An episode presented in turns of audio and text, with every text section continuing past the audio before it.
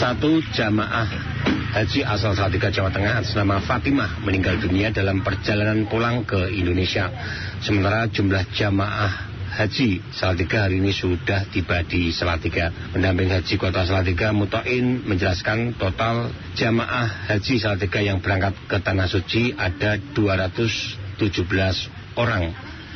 Dikatakannya Fatimah meninggal dunia ketika saat perjalanan pulang dari Jeddah dan transit di Bandara Kuala Namu, Medan. Kebetulan saat itu pesawat transit di Medan dan ketika di Medan beliau dalam keadaan menjelang atau ngelaku meninggal dunia.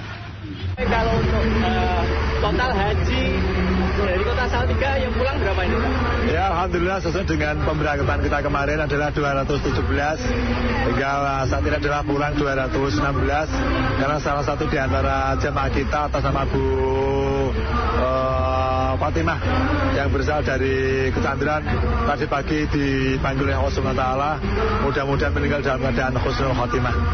Nah, itu meninggalnya posisi di mana itu Pak? Uh, beliau perjalanan dari Jeddah menuju ke Adi Sumarmo.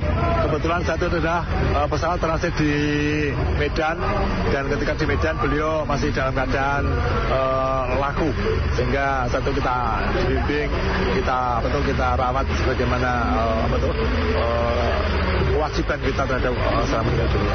Sebelumnya punya riwayat sakit apa Pak beliau? Uh, kami kurang tahu persis. Yang jelas beliau adalah sehat, uh, sangat sehat itu dibandingkan dengan kondisi.